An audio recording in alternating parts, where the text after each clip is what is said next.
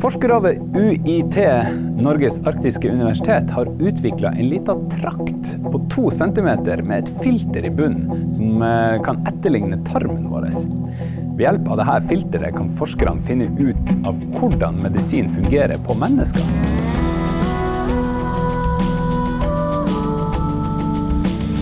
Observatoriet. En forskningspodkast fra UiT Norges arktiske universitet. Med Geir Hevnskjell Ringvold, mannen som lurer på det meste, og Marit Anne Hauan, som bokstavelig talt lever av fortellinger. Og en ny, spennende forsker hver uke.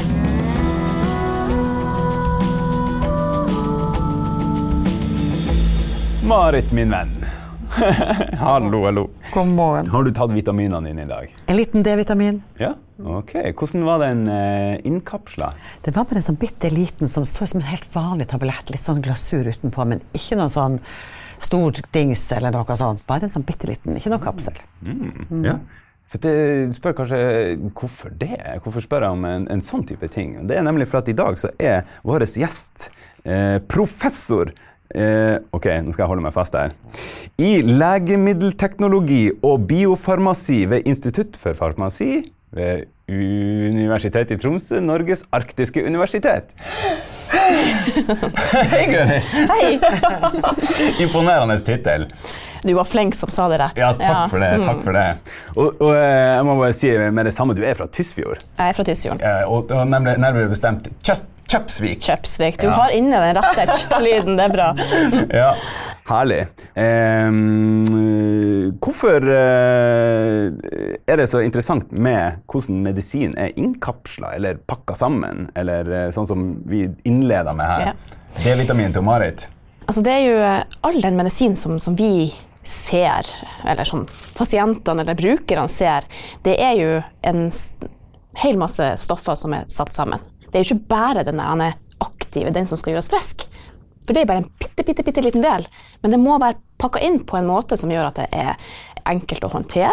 Altså tabletten går an å ta i. Og det er også laga på en sånn måte at de skal få den effekten som, eh, som de er tiltenkt å ha. For du har et vell av muligheter. Mm. Eh, jeg kan komme på liksom, oralt, at du putter det i munnen. Mm. Rektalt, at du eh, ja, gjør andre ting. Du kan injisere det. Hvor du putter det? Ok. Prøvde å være litt sånn ja, oppi rumpa, da. Ja, ja, ja. Jeg bare, jeg bare sier det sånn det er. Ja, si det okay. som det er. Eh, injisere med, med sprøyte, går det an? Er det flere? Å ja, du kan ta det mm, vaginalt. Okay. Du kan smøre det på huden, sånn at det går over huden. Du kan inhalere det. Du kan legge det i munnen, ha det i øynene. Det er mange, mange muligheter. Så det som er til felles, er egentlig at det, der er det slimhinner og, og steder på kroppen som tar opp denne Hvis det er ønskelig at det tas Huden opp. det, Eh, ja. Huden tar også opp oh, ja. noen stoffer. Mm. Og andre ganger så er det jo ønskelig med en lokal effekt, at det ikke tas opp. Og da eh, pakker man det inn på andre måter. Mm. Ja, for Hvordan er det det fungerer hvis jeg tar en, eh, en tablett og den havner i, eh, først i magesekken og så videre ut i tarmen? Og det er der den fordeles fordeles i kroppen. Hva skjer videre da? Eh, Når tabletten kommer ned i magesekken, hvis det er en helt vanlig tablett, så løser den seg opp der, og så går den ned i tarmen. Og det er der opptaket skjer. Det er der eh, de aktive molekylene blir frigitt, og den går over tarmbarrieren, over i blodet, og kan sirkulere rundt i kroppen og komme frem til dit det trenges. Så eh, den prosessen med å få eh, den aktive substansen over denne barrieren, den, den kan av og til være utfordrende. Og der kan det ha noe å si hvordan medisin pakkes inn. Ja, på hvilken måte er det utfordrende? Eh, altså, tarmbarrieren er jo der for å beskytte oss, egentlig. Og for å passe på at vi får i oss de næringsstoffene vi trenger. Og, altså, den har en veldig spesifikk funksjon. Og noen stoffer går lett over, og andre stoffer vil ikke kroppen ha i seg.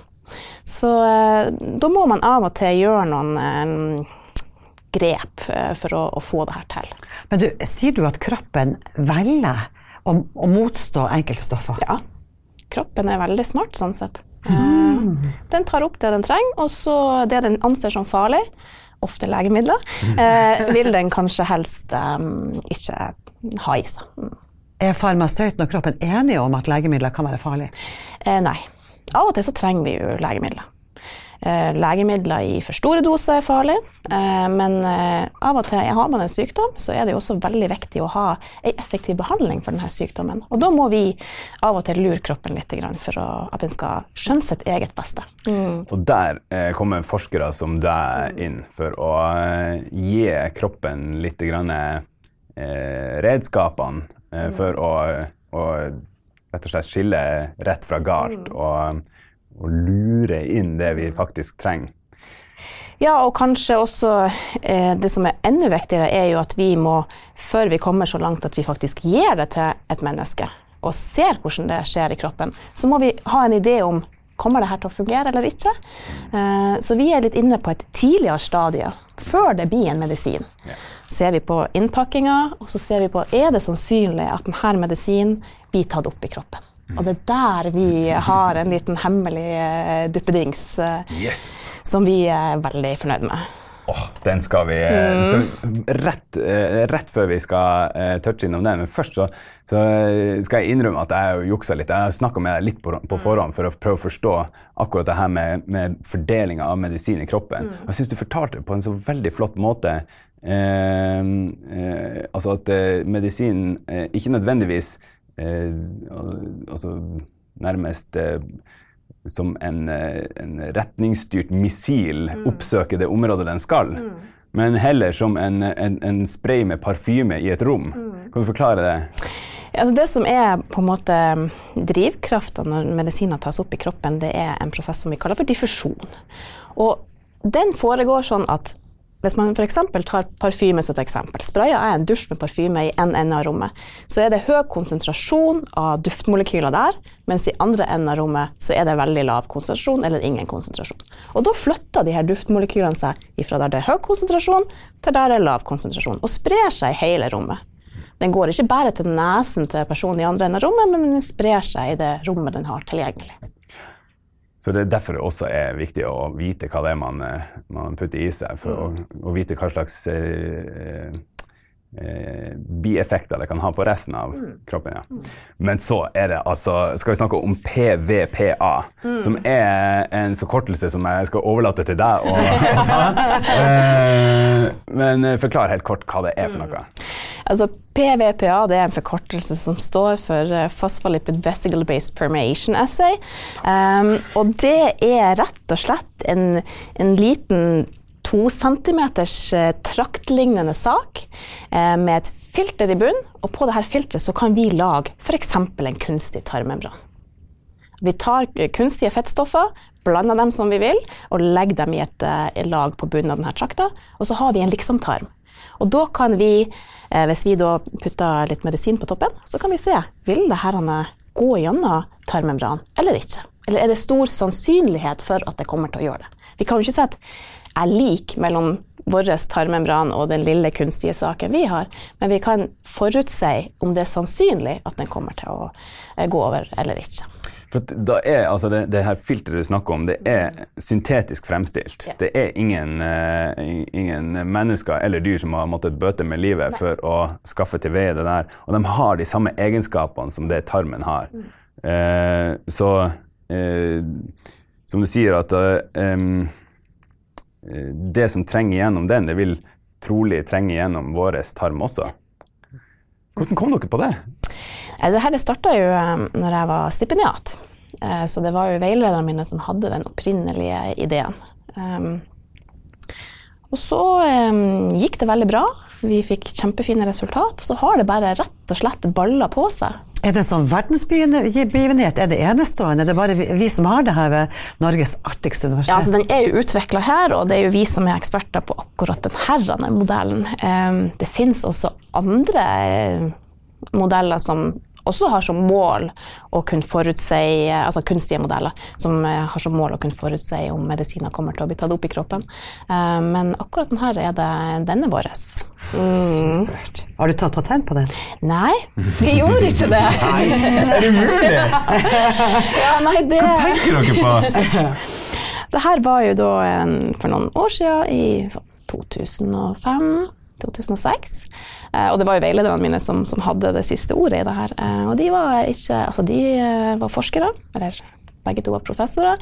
Og de var ikke interessert i patenter og innovasjon, og de var interessert i forskninga. Så, så vi valgte å publisere. Så det ligger åpent for hvem som helst kan lese våre artikler og, og bruke denne metoden. Eh, Så vi vil heller spre det glade budskapet enn å patentere. Forskning for det globale samfunn, altså. Veldig, veldig nobelt gjort. da. Ja.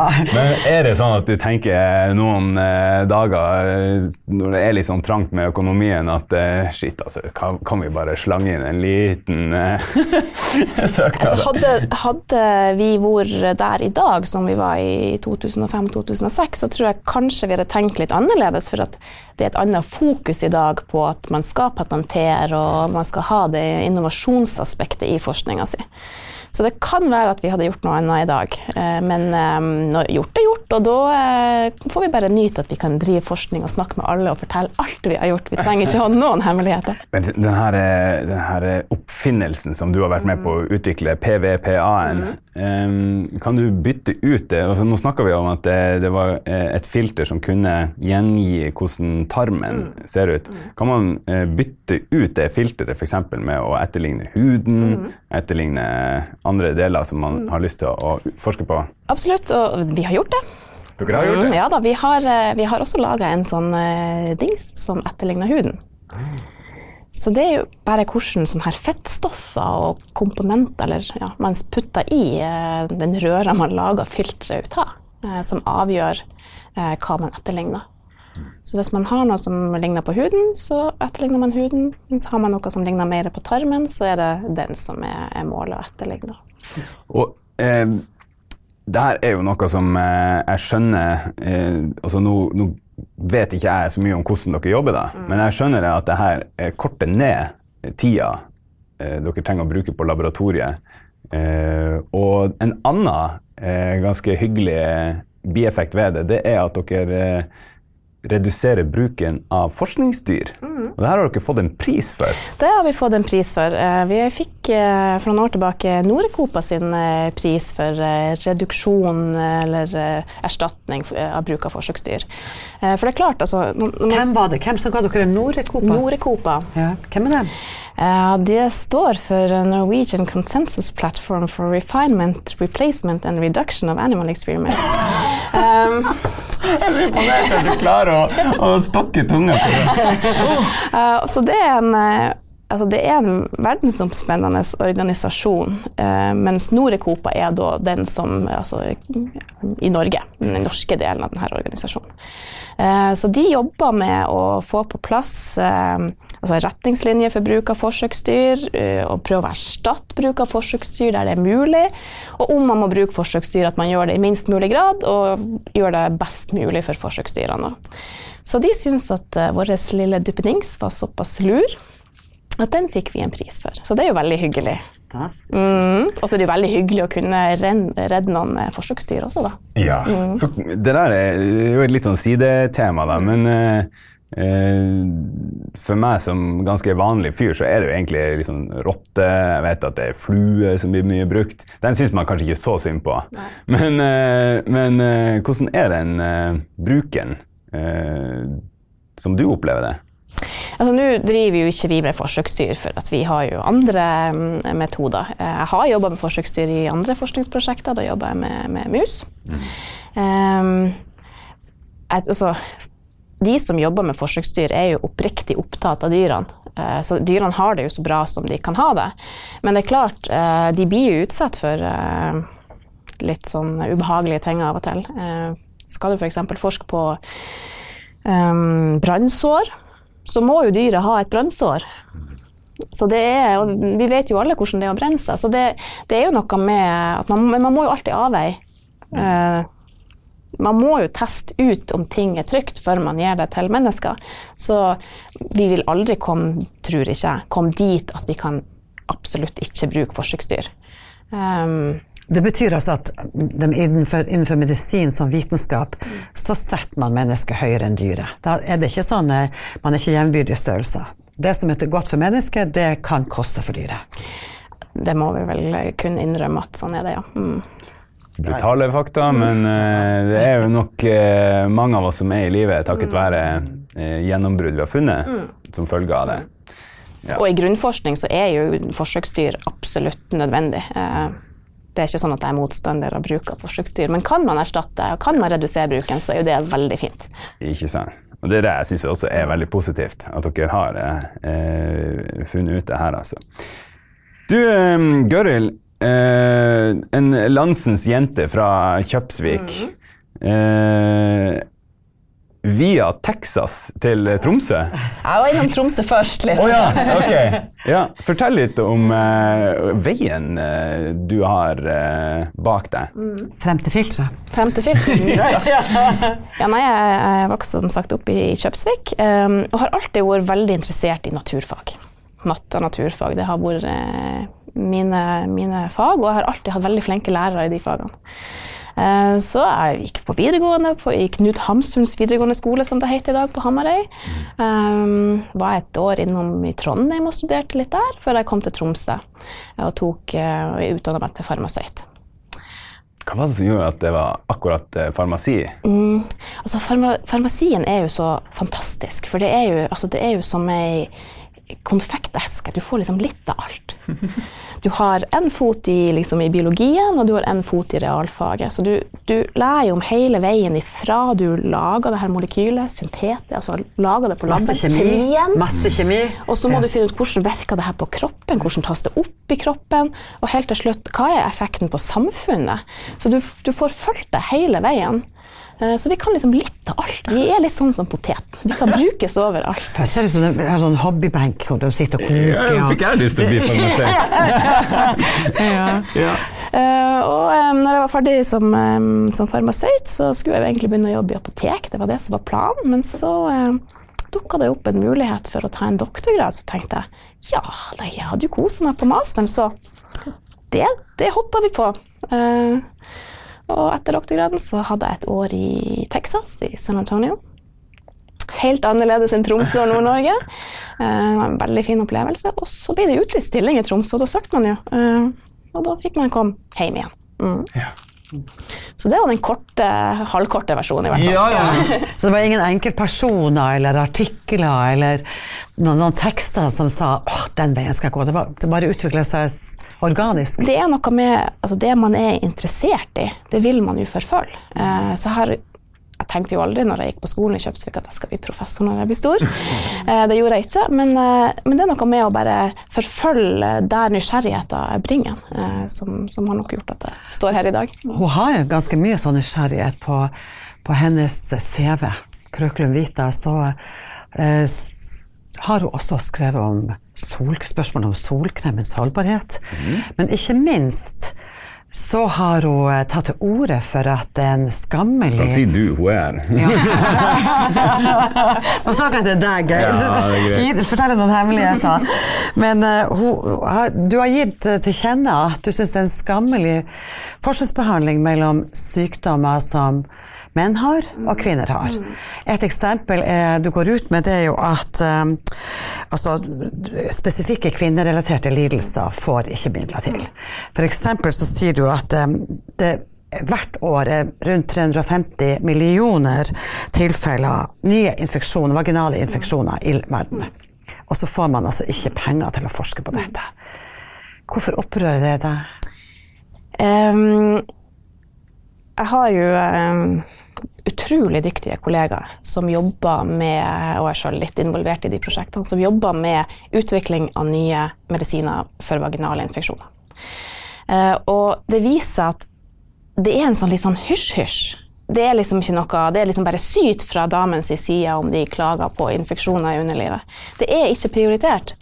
Eh, og det er veldig vanskelig å få midler til det. Eh, altså andres mer alvorlige, altså f.eks. brystkreft, de eh, har, er jo i annen stilling. Så jeg skal ikke si at alle kvinnerelaterte sykdommer eh, er i samme situasjon. Men de der litt mer eh, som vi ikke snakker så mye om, kanskje, eh, de har store problemer med å få bli tatt seriøst egentlig og få forskningsmidler. Det, men det berører jo oss alle sammen. Enten er vi kvinner, eller så mange andre bor sammen med en kvinne.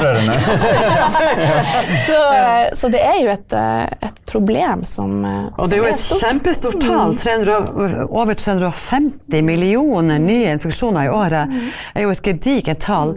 Så ved å løfte frem den saken, så håper vi jo at eh, at det, det kommer ei vending i, i, i forhold til ideene rundt hva er det slags sykdommer som krever og skal forskes på. For her er det jo rett og slett en ujevnhet, og her mangler vi jo en liten likestillingspolitikk fra kanskje til og med fra regjeringas side, som gir midler til eh, til Forskningsrådet og til EU. Så her eh, så har du den andre tingen jeg synes, Det her syns jeg var kjempespennende at du har skrevet om, og at det er jo en måte du tar faget ditt ut og gjør det samfunnsrelevant for hele globen. Men det andre var den der med solkremen. Og da tenker jeg på sånn, er det hvordan skal vi vite som alminnelige solkremkjøpere eller medisinkjøpere eller vitaminkjøpere hvor lenge disse her tingene har eh, varer? Altså, hvor, hvor lenge har de effekt? Nå står det jo alltid hvor eh, Altså ut um, expiry date eh, Holdbarhetsdato heter det, ja. eh, på både medisiner og altså, solkrem eller andre kosmetiske matvarer. Det har vi det også på. Ja. Um, I tillegg så er jo annet solkrem er jo litt sånn eh, Det står det i sånn eh, åpne krukkesymbol. Så hvis dere går hjem og ser på solkremen, så er det altså en sånn et lite um, symbol som viser ei krukke med et åpent lokk. Og under det symbolet så kan det stå 6 måneder, 12 måneder, 18 måneder. Og det forteller hvor lang tid etter at du har åpna eh, produktet ditt, er det holdbart. Så det er ikke alltid du kan se på den holdbarhetsdatoen. Men rett og slett bare skriv med tusj på når du Det er popper veldig lurt. lokket. Ja. Veldig lurt. Men hvor mange gjør det? Har du gjort det? Ah, nei, men du, det er en sånn liten sånn life hack, Ja. som man kaller det. Ja. Så, det, så det handler jo om eh, stabiliteten til produktet. Altså hvor lenge er solfilteret Hvor, hvor lenge virker solfilteret? Så det Der kommer jo an på hvordan, du har, hvordan du har vært med solkremen din. Har du hatt den med på eh, stranda i 30 varmegrader, kanskje ikke akkurat i Nord-Norge, men andre plasser. Og så har du den med på påskefjellet der den kanskje har vært utsatt for litt frost, så er det større sjanse for at uh, du ikke har et bra produkt uh, når du skal smøre deg. Mm. Det er kjekt å vite. Du, uh, Gøril. Vi må eh, etter hvert begynne å runde av, men eh, du fortsetter jo bare å forske. Det er ikke sånn at du eh, fant på noe lurt nå, og så, så slår du deg til ro med det. Hva er det du kommer til å bruke tida di fremover til nå? skal man vel være såpass ærlig og si at det er jo pengene som bestemmer. Så det er jo det man får finansiering til, eh, som man eh, må, må fortsette med. Um, men det som er hovedlinja mi akkurat nå, det er å fortsette å utvikle denne PVPA-modellen. Gjøre den enda bedre og øh, gjøre den øh, brukende på enda flere områder. Vi ser jo det at det, altså vi, vi utvikler, utvikler masse nye medisiner. Men det er også veldig populært å ta gamle medisiner og pakke dem inn på en ny måte. Ah. Så da er det veldig viktig å ha modeller som kan si ok, er den nye innpakninga bedre enn den gamle. Eh, Så jeg tror det er, det, det er viktig å ha gode, mm, gode verktøy når man skal utvikle. Og så er det vel ikke å stikke under en stol at i fremtida så kommer det vel mer og mer eh, matematiske altså datasimuleringer som kommer til å gjøre en god del av jobben. Men vi er allikevel avhengig av gode eh, data å putte inn i de her modellene. Eh, så eh, det er mye, mye spennende som Vi blir ikke arbeidsledige. det er altså helt sikkert. Nei, men vi skal holdt på å si, sjøsette deg og, og eh, takke så masse for en utrolig spennende prat. Takk for at jeg fikk komme. Det var veldig hyggelig å være her. Veldig flott. Mm. Spennende.